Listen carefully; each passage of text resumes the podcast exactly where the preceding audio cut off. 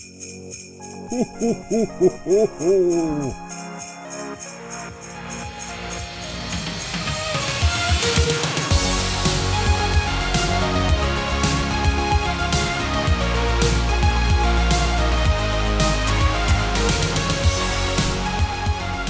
Hej och välkomna till podcasten Här pågår föreningsidrott med mig Isabelle. Och med mig Johan, vi jobbar båda två på RF SISU. Och idag, så här dagen innan julafton, så har vi med oss eh, vår egen li lilla tomtemor ifrån Stockholm, Jennifer. Välkommen! Precis, tack snälla hörni. Eh, kan man inte säga att det är så himla vintrigt här än så länge, men vi ska försöka göra vårt bästa inför imorgon. Ja, är du klar med julklappar och sånt då? Julklapparna är faktiskt klara, tack eh, och lov. För det brukar annars vara en stress den här tiden. Ja, härligt. Mm. Slippa springa ut så här sista dagen innan. ja, det är skönt faktiskt.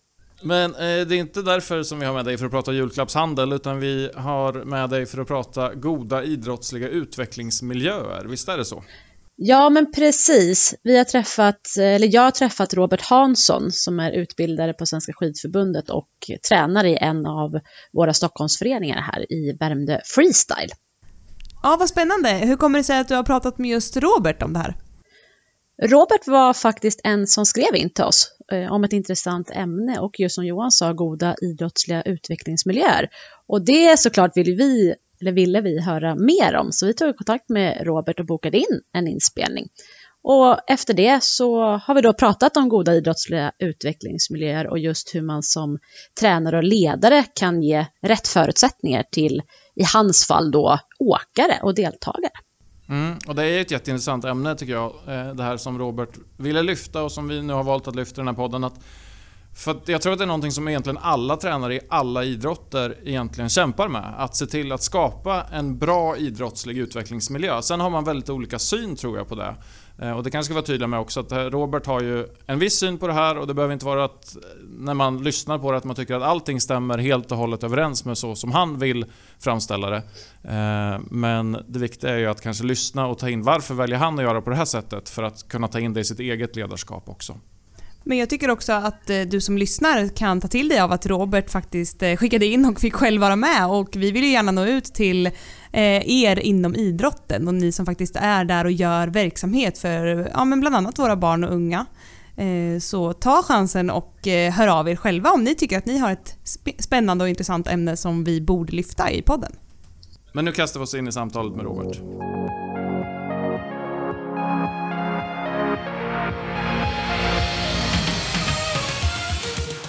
Ja, Robert Hansson. Jag, som du sa, är, jobbar åt Skidförbundet på deras tränarutbildning, men den mesta tiden som jag lägger och eh, där jag faktiskt också tänker på det här och eh, kring goda idrottsliga utvecklingsmiljöer, det är mitt arbete med eh, den eh, förening som jag är aktiv i som tränare och ledare eh, och det är Värmdö Freestyle. Vad innebär det när vi säger goda idrottsliga utvecklingsmiljöer? Då? Eh, jo, men jag, jag, jag, tycker att det är, är viktigt och eh, jag tycker också att det som, som tränare behöver man fundera på det och man behöver också ta ansvar för den delen. Eh, och hur, hur, hur mycket det är som ingår i utvecklingsmiljön och att det faktiskt spelar roll för åkarnas utveckling. Eh, att, att man tittar på helheten innan man bara fokuserar på själva åkaren. Mm. Miljön spelar roll. Mm. Ja, det gör ju det. Och vi brukar ju inom idrotten prata om, och det har ni säkert hört i podden också, det här med rörelseförståelse eller physical literacy. Och det tar ju mig direkt när man pratar om goda idrottsliga utvecklingsmiljöer, att man ska he se hela personen, alltså inte bara vad personen gör. Och hur skulle man kunna utveckla det då i, i det du det tänket du har och det som du utbildar i? Ja, ja, det kan man säga. Jag, jag, tycker att det är viktigt att man tittar på eh, dels att man tittar på den miljön som finns, men, men framförallt behöver man ta utgångspunkt för den eh, aktiv som man har, eller de aktiva som man har. Och att man tittar egentligen på det finns mycket man behöver analysera och titta på och för att förenkla för sig själv så, så kan man tänka sig att det man behöver veta om den aktiva, det är egentligen vad de vill och vad de kan. Eh, tar man reda på de sakerna och att man gör det både för sin grupp och framförallt för varje enskild aktiva, då har man skapat sig jättebra förutsättningar själv att skapa bra förutsättningar för de aktiva och för den aktive. Ja, för det handlar väl lite, och som, som jag nämnde i vårt Instagram-inlägg också, just det här med att det blir liksom tränarens roll på något vis att analysera den aktiva för att kunna förstå vad man ska skapa för typ av miljö Ja. den. Kan man säga så? Ja, det tycker jag absolut. Och, och det är viktigt att när man, när man gör saker, skapar saker, förändrar miljön eller ger dem övningar eller coachar dem, att man också funderar för varför säger jag det här? Och att man har ett svar på det. Och svaret borde vara eh, ta utgångspunkt för åkarens, eh, eller den aktives då, eh, vilja eller, eller förmåga. Eller motivation eller vad de har för, för tekniska färdigheter. Och när man vet det, då kan man ju sen egentligen specialdesigna den här utvecklingsmiljön. Inte bara för att driva förmågan framåt, alltså få dem att bli tekniskt bättre, utan att faktiskt också eh, driva deras motivation och vilja. Och de två sakerna kommer sen eh, påverka varandra. När de tycker det är roligt, när de blir motiverade, då kommer de att bli bättre. Och när de blir bättre, eh, då kommer de också tycka att det är roligt. Så man, får liksom, man kan inte bara göra en träning som är rolig, utan den måste också eh, utveckla deras förmåga. Och det spelar faktiskt ingen roll eh, ålder på de aktiva eller färdighetsnivå, vilken nivå de ligger på. Eh, det är lika viktigt. Även mindre barn, 5, 6, 7, 8 år, vill lära sig saker. De vill bli bättre. På samma sätt som man jobbar kanske med eh, elitaktiva är det jätteviktigt att de både blir bättre såklart, men också att de är motiverade och tycker att det är roligt. Mm. Och det behöver man analysera och sen designar man utvecklingsmiljön utifrån de sakerna.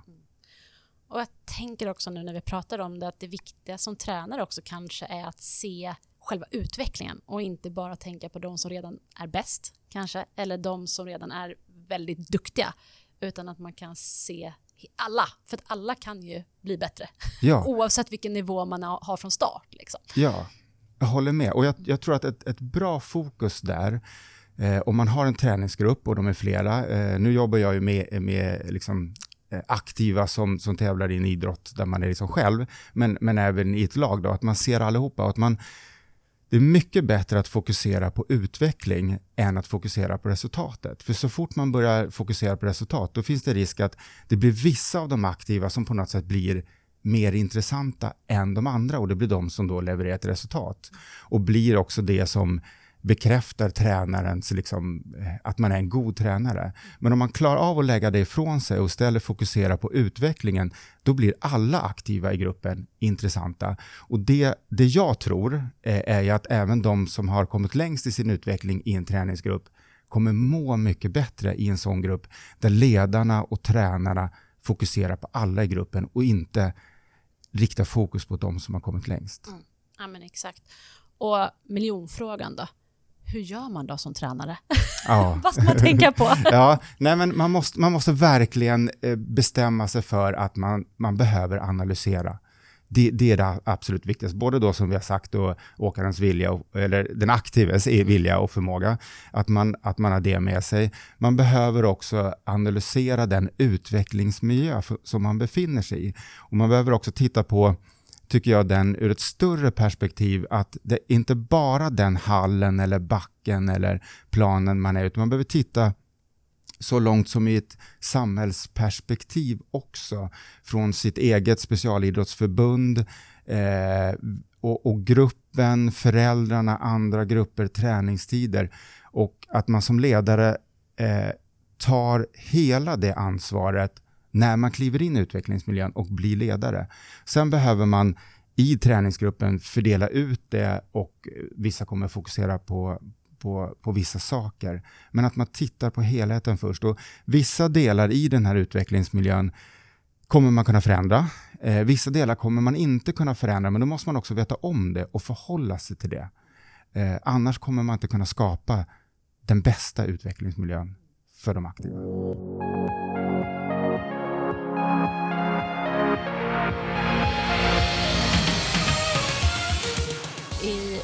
Ditt och mitt lilla försnack som vi hade här också så pratade vi just om det här att delar kan man ju påverka och vissa saker kan man absolut inte påverka och just att det är analysen som är, är viktig egentligen.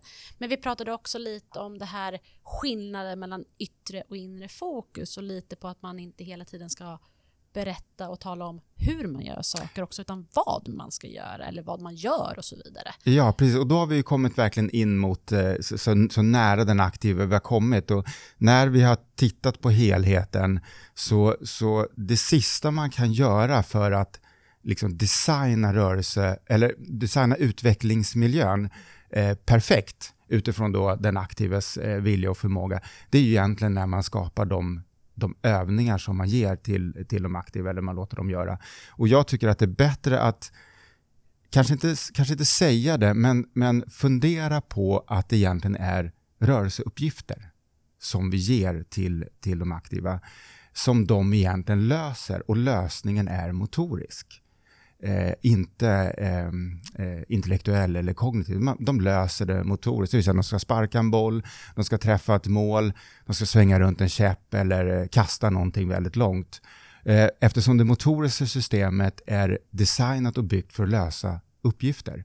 Och, och, det bästa sättet att skapa en rörelseuppgift är att tänka att när man ger instruktionen till den eh, rörelseuppgiften, att man tänker att man ska ge eh, säga till, till den aktive vad de ska göra och inte hur de ska göra. Och det är en jättestor skillnad. Ja, jag tänker direkt då att så här, om jag skulle få den frågan som idrottare också så, så sätter ju hjärnan igång direkt. Ja. Istället för att någon hela tiden berättar typ svaren för mig och sen får man bara testa. Utan det blir ändå lite learning by doing.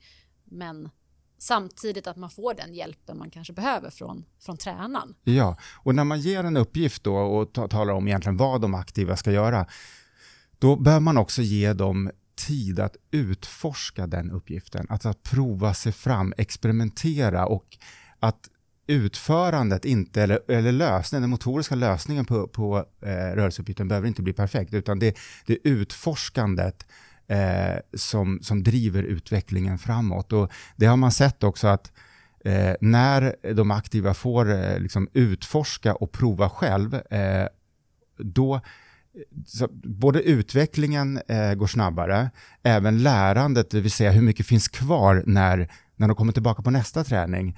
Eh, man ser också att prestationsångest minskar, minskar vilket är, är väldigt bra och också ganska skönt för man slipper ha en tränare som står bredvid och talar om liksom gör så här, gör så här. Att de i lugn och ro lite grann får, får utforska den här rörelseuppgiften. Och också en, en fjärde sak som är väldigt viktigt att det också förbättrar förmågan till transfer, det vill säga eh, om man har lärt sig en sak i en viss miljö ska man kunna ta fram den förmågan i en annan miljö. Eh, och det, har man fått utforskat i en miljö så blir det mycket lättare i en annan miljö. Och idrott handlar mycket om att man tränar och gör saker i vissa miljöer, men sen är matchen eller tävlingen eller andra träningar eller läger i andra miljöer och då ska man kunna ta med sig förmågan på samma nivå.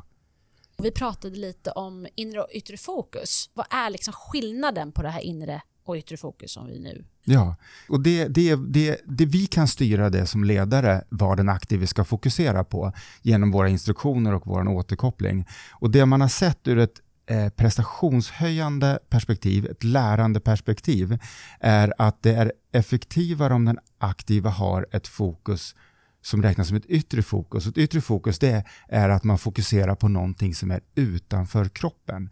Det kan vara bollen, det kan vara korgen, det kan vara målet, det kan vara motståndarna, skidorna, käppen, snön eller någonting som ligger utanför.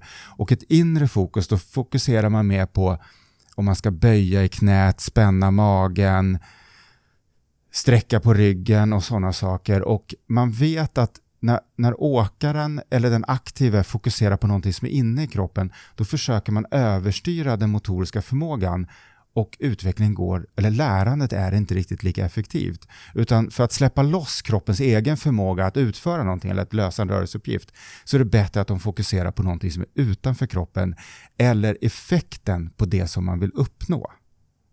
Spännande tanke ändå. Så har nog inte riktigt jag tänkt många gånger.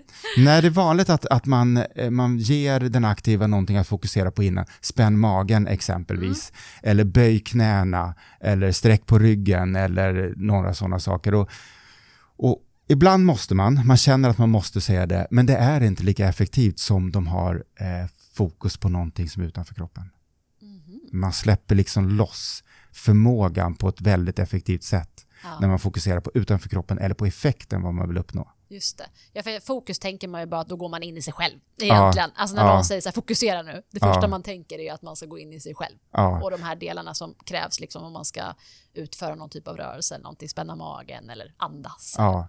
Men, men det är mycket effektivare exempelvis för, om vi tar en idrott som, som basket, om vi bara tar ett exempel, att fokusera och, och titta på korgen eller bollens bana istället för att fokusera för mycket på armbågar, axlar, fotplacering och sånt, utan att fokusera på vad är det man vill sätta bollen i korgen Ja. och då ska fokus ligga där. Ja. Det är vad man vill uppnå. Låt kroppen lösa det själv. Och det gör den inte på en gång. Det behöver man ju utforska. Precis som, som rörelseuppgiften och, och vad, Ja. eh, så behöver det här utforskas.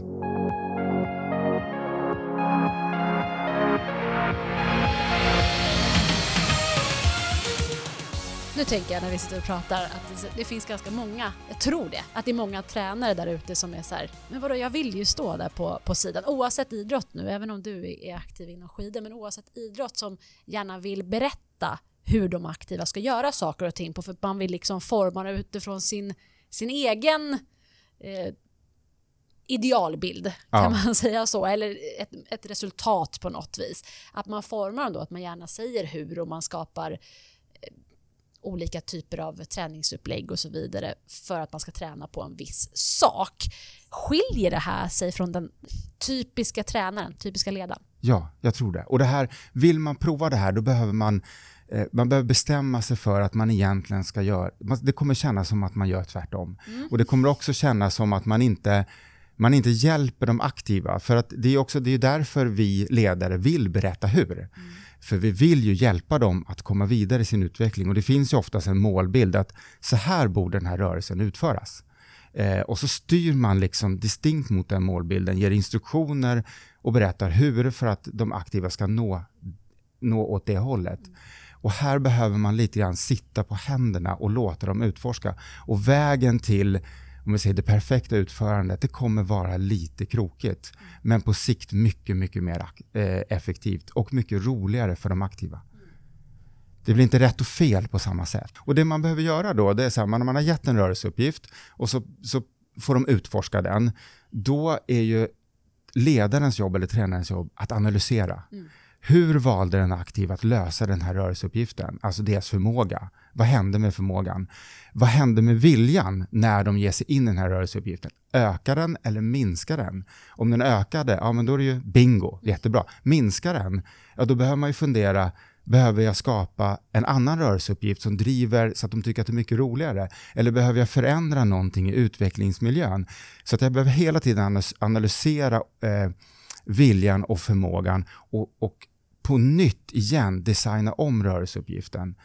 Eh, Och en rörelseuppgift kan vara väldigt bred och stor, eh, där det finns ett stort utrymme för att utforska, men den kan ju också vara skapad av väldigt mycket begränsningar, så att det är, det är väldigt nära hur, utan att det blir hur. Hur? Ja, Ja. precis.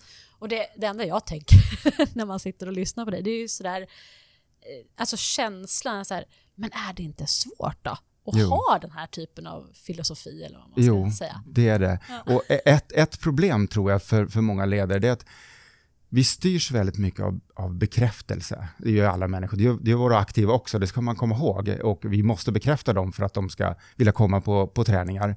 Eh, och det gör vi ledare också. Vi vill ju visa att vi kan det. Och därför vill vi också inför våra aktiva gärna berätta hur, för att vi gärna vill visa att vi faktiskt vet hur.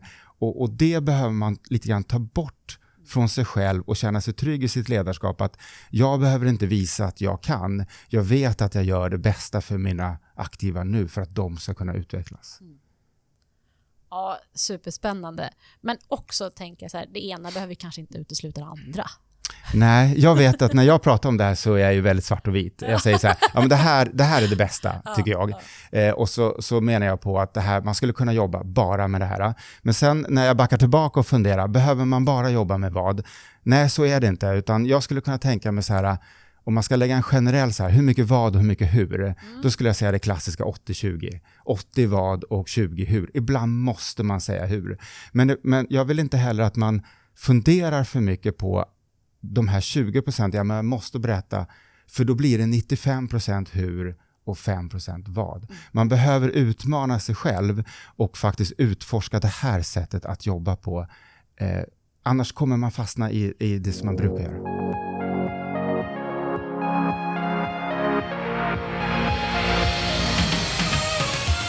Om man skulle fråga dig tre tips som tränare, vad skulle du säga då? Oh. Svår fråga. Ja, den hade du kunnat förberett mig på. Ja, Nej, men då skulle jag säga så här, det absolut viktigaste, ta ansvar för hela eh, eh, utvecklingsmiljön. Det skulle jag säga är det absolut viktigaste. Och, när man, och som nummer ett då, när man kliver in i en utvecklingsmiljö, se alltihopa, eh, skapa så att den blir bra. Är det någonting i den här utvecklingsmiljön någonstans som inte är bra, då är det varje ledares ansvar att ta hand om det. Det skulle jag säga är det absolut viktigaste. Eh, sen behöver man analysera, som nummer två då, eh, eh, de aktivas eh, vilja och förmåga. Så att man kan då specialdesigna eh, miljön och rörelseuppgifterna. Eh, och sen skulle jag säga att man behöver utmana de aktiva som nummer tre då. Och den perfekta utmaningen, den är ju anpassad helt utifrån den aktives vilja och deras förmåga. Och ännu bättre om man kan lyckas få dem att skapa sina egna utmaningar. Det vill säga, de säger sen efter ett tag, jag vill prova det här också. Mm. Och det är egentligen ovanför, ovanför deras egen förmåga eller nivå och den kommer inte från mig som ledare utan de väljer själv, nu vill jag prova det här. Då tycker jag att eh, kan man komma dit, då har man kommit väldigt långt. Och det är enligt den här filosofin också kanske det som gör att man som tränare eller ledare har lyckats. Ja. Också kanske, inte för att man har vunnit matchen eller eh, ja, satt något personligt rekord i snabbast ner för backen, eller vad man nu ska säga. Nej, jag, jag, tycker också det, när man kan få, och, och det är ett sätt för de, för de aktiva att faktiskt ta ansvar för sin egen utveckling. Mm. Ja, och, det, och det är ju också eh, ledarens ansvar, att få de aktiva att ta det ansvaret. Och något som vi också pratade om innan eh, vi satte igång det här var att just det här med att det tar bort lite pressen från den aktive, som alltså deltagaren eller aktiva eller åkarna, vad man nu ska säga, att de kanske inte känner den här pressen i att man hela tiden måste uppnå någonting ja. utan att man, man, ser, man, ser, man ser inte kanske prestationen, slutresultatet utan man ser att man ska delmål kanske man kan säga. Ja, och, och jag tror att man ska ju drivas av en slags passion och lust och inte ha press. Exakt. Ja, och, och det är inte vi som ledare som ska sätta pressen. Vi kan sätta krav på eh, struktur, ordning och reda och schyssta mot varandra, eh, komma i tid och sådana saker. Vi kan ställa krav, men inte sätta press på dem. Utan den, den, ska, den ska lyftas fram ur dem själva. En, en stark motivation som drivs av dem själva. Jag frågade ju innan de här tre tipsen och det kommer egentligen från en snabb kik i din bok ja. som jag fick med mig precis innan här. Och det, där nämner ni lite just det här med vad är det som skiljer de bästa tränarna till de som är bra. Och den här boken i alla fall, Will, Skill och Hill, är du medförfattare ja. till. Så jag tänker vi kan väl, hur kommer det sig att du har intresserat dig så mycket för det här då? Ja, boken där, vi tog faktiskt fram den Eh, efter eh, Interski, som är en, en skidlärarkongress nere i Sankt Anton. Och det är faktiskt nio år sedan, 2012. Och eh, då tog vi fram den här Wilskill Hill-modellen som vi presenterade där nere. Och det är ju ett sätt att skapa en lärande miljö eller en utvecklingsmiljö. Och eh, hur, hur ska vi förenkla för att vi som ledare ska förstå vilka delar som är viktiga? Och eh, Will och Skill är ju egentligen bara viljan och förmågan och Hill är ju då utvecklingsmiljön. Och hur de tre sakerna hänger ihop. Och jag ska säga att den, den kan appliceras i all idrott, idrott eh, och i alla miljöer där man vill skapa utveckling. Så även på sin arbetsplats, arbetsgrupper, så, så är det de här faktorerna som spelar, det spelar roll hela tiden. Och vill man skapa en utvecklingsmiljö som driver människor eh, framåt eller aktiva idrottare framåt så, så kan man applicera modellen. Mm. Så att jag tänker, vi, vi gör lite PR för din bok också. Ja, det får man. Will, Ja. Skill och Hill. För jag tänker den, eh, som sagt, även om det handlar om det alpina och just nu att vi är mitt i vintern, så läs den och applicera den på sig, på sig själv också. Ja. egentligen. Vi ska börja avsluta vårt samtal. Bara kortfattat egentligen. Hur skulle man som tränare i det här, om man känner att så här, ah, men jag kanske behöver justera lite. Vad är de enkla medel att bara kunna justera i sitt ledarskap för att kunna bli mer den här tankesättet än tidigare? Ja, då skulle jag först ta ansvar för utvecklingsmiljön och sen så skulle jag när jag ger instruktioner och när jag ger återkoppling eh, fundera på, har jag berättat för den aktiva hur de ska göra eller har jag berättat för dem vad de ska göra? Eh, och sen utmana sig själv och se om jag kan ändra mina instruktioner och tala om vad de ska göra istället.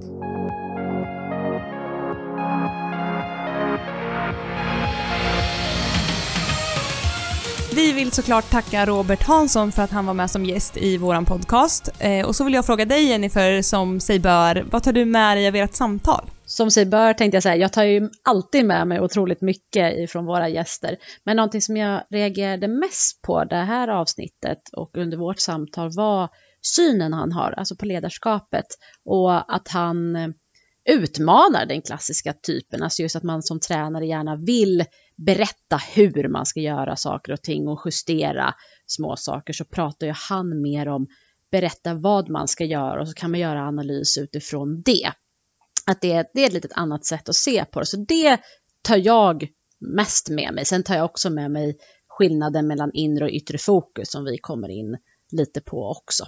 Det är ju intressant att det blir ju nästan som att hans sätt att se på ledarskapet så är det lätt att säga, men leder han någon verkligen då? Eller är han mer bara någon typ av... Alltså ordet coach passar kanske bättre i det här fallet för att man liksom hjälper någon att komma på saker själv istället för att man leder någon in på rätt väg som vi kanske mer traditionsenligt har sett på ledarskapet inom idrotten. Så att, eh, ja, det är intressant eftersom vi har börjat använda ordet coach att nu själva ledarskapet börjar gå mer och mer mot coachning också. Och det är ganska viktigt i eh, både ett ledarskap, oavsett om man ser sig själv som tränare, ledare, coach eller vad man vill kalla sig, eh, så pratar man ju ofta om att eh, oavsett vilken sport du utövar, då ska du ha möjlighet att klura ut själv. Vad är lösningen på det här problemet? Eller nu ställs jag inför den här svårigheten. Att tänka ett varv själv först, vad är lösningen? Eh, för att om man hela tiden blir, ja men lite som man är inne på, eh, matad med så här ska du göra i nästa situation. Då kommer jag ju inte lära mig det utan till eller få det automatiserat på samma sätt. Precis, och det är det som är intressant egentligen i det också, att man faktiskt som tränare eller som coach eller som ledare, att man är så pass duktig och så pass bright i sitt ledarskap att man kan liksom ställa de här frågorna eller se rätt saker och göra rätt analys för att åkarna och deltagarna själva ska få känna eh, vad de kan göra eller hur de kan göra för att faktiskt påverka sin egen utveckling. Mm. Han är inne på det också att man automatiskt ofta i en liksom coachande ledarskapstränarroll så, så vill man väldigt gärna visa hur man gör istället för att ge det här problemet. Att det blir som att man måste ja, men, sätta sig lite på händerna och låta dem fundera lite själva ett tag. Eh, det tycker jag är en ganska bra bild för att det blir väldigt naturligt så att istället varje gång som jag ska visa hur så ska det vara ett aktivt val ifrån mig som tränare. Att nu väljer jag att visa det här för jag tycker att det behövs istället för att det ska vara det naturliga och det som blir hela tiden. Han säger det att då blir det väldigt lätt att det blir 95%. Och det tycker jag är viktigt att fundera kring. Oavsett om man inte håller med om liksom procentfördelningen som Robert pratade om med 80-20 så ska man kanske fundera kring det ändå. Att så här, okej, okay, men hur blir det då när jag inte funderar kring det? Vilken procentfördelning vill jag ha i mitt ledarskap och så vidare. Eh, så att viktigt att ha med sig att man tar, eh, ja, man tar aktiva eh, beslut och inte bara låter saker ske på slentrian. Mm, precis, eh, och där är, man ju, är du inne på eh, som du säger, att det finns ju en balans i allt såklart. Och det är ju upp till en själv vart man eh, känner sig bekväm i och vilken, vilken nivå man ligger på och vad som passar den gruppen man leder. Men jag har själv varit med om tränare eh, under en till exempel fotbollsmatch, som är den sporten jag har utövat mest. Eh, där en tränare står och skriker instruktioner till spelarna hela tiden. Och då kan det också uppstå eh, någon form av förvirring. att ja, men vänta, ska, nu måste jag lyssna och nu måste jag höra och, och tänk om jag inte hörde eller förstod rätt. Vad sa tränaren? Eh, det kan bli ett stopp i spelet i en sån typ av eh, idrott. Eh, där jag hela tiden ska ta in vad någon säger till mig samtidigt som jag ska ta egna beslut eller eh, vara med i matchen. Så det tycker jag, ja, ett bra exempel, eller ett dåligt exempel, det behövs ju alltid en balans. Jag tycker att den här frågan kring vad och hur är väldigt intressant. Jag tänkte bara skicka med ett konkret exempel som jag har fått lära mig nu Eh, att man gör inom handbollen. För när jag spelade handboll då pratade man hela tiden om att man ska lära sig att göra en bra stegisättning för att ta sig förbi motståndaren. Eh, och då fanns det väldigt tydligt att först skriver man ett steg till vänster, sen så skriver man två steg till höger för att finta bort motståndaren. Och det här är liksom, det är inpräntat, man gör det automatiskt i stort sett. Men nu har jag hört, eh, utan att vara handbollstränare eller finnas i den världen särskilt mycket, men jag har hört att man numera när man utbildar nya handbollsspelare så har man tagit bort det där. Man pratar inte om stegersättningen längre, utan man pratar, pratar om att ta sig förbi spelaren. Och sen så får man lösa det på något sätt som man själv tycker är eh, lämpligt. Och det kanske är en stegersättning som är det bästa i vissa lägen, men inte i alla. Och därför så ska man försöka hålla dörrar öppna och försöka se liksom flera möjliga lösningar på problemen. Eh, så jag tänkte bara skicka med den i liksom hur och vad-diskussionen. Att det finns också förbund som aktivt väljer att nu så ska vi prata mer om vad är det vi vill uppnå istället för hur ska vi göra saker. Och det är det tror jag han är inne på också just med det här inre och yttre fokus. Att det fokuset du kan ha själv, alltså spänn magen eller eh, gå runt på det här sättet så tänker han då istället så här, nu ska du runda den här käppen. Ja, men hur och vad ska du göra då? då? Eller här har du motståndaren. Hur ska du agera där? Vad ska du göra?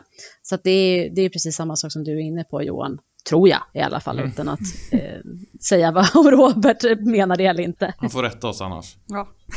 Skicka ett mejl till Robert. Och med den summeringen av det här avsnittet så vill vi från podden här på Föreningsidrott önska god jul och gott nytt år till alla er som lyssnar och eh, jag och Johan vill önska god jul till dig Jennifer som sitter på annan ort och spelar in. Så ha en bra julledighet. Tack detsamma. God jul och gott nytt år.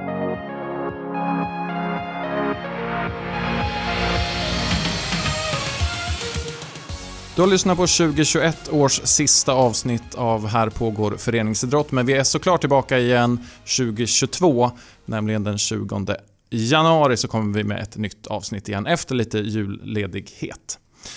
Har du idéer på vad du tycker ska finnas med i våran podd framöver så får du jättegärna höra av dig till oss. Då gör du det enklast via vårt Instagramkonto som heter Här pågår föreningsidrott ihopbundet i ett ord eller till vår mejladress podd rfsisu.se. Och har du efter den här diskussionen blivit mer intresserad av att diskutera det här med andra ledare i din eh, förening så hör jättegärna av dig till oss så ska vi hjälpa er med diskussionsunderlag som ni kan gå vidare med. Så med det så säger vi god jul och gott nytt år.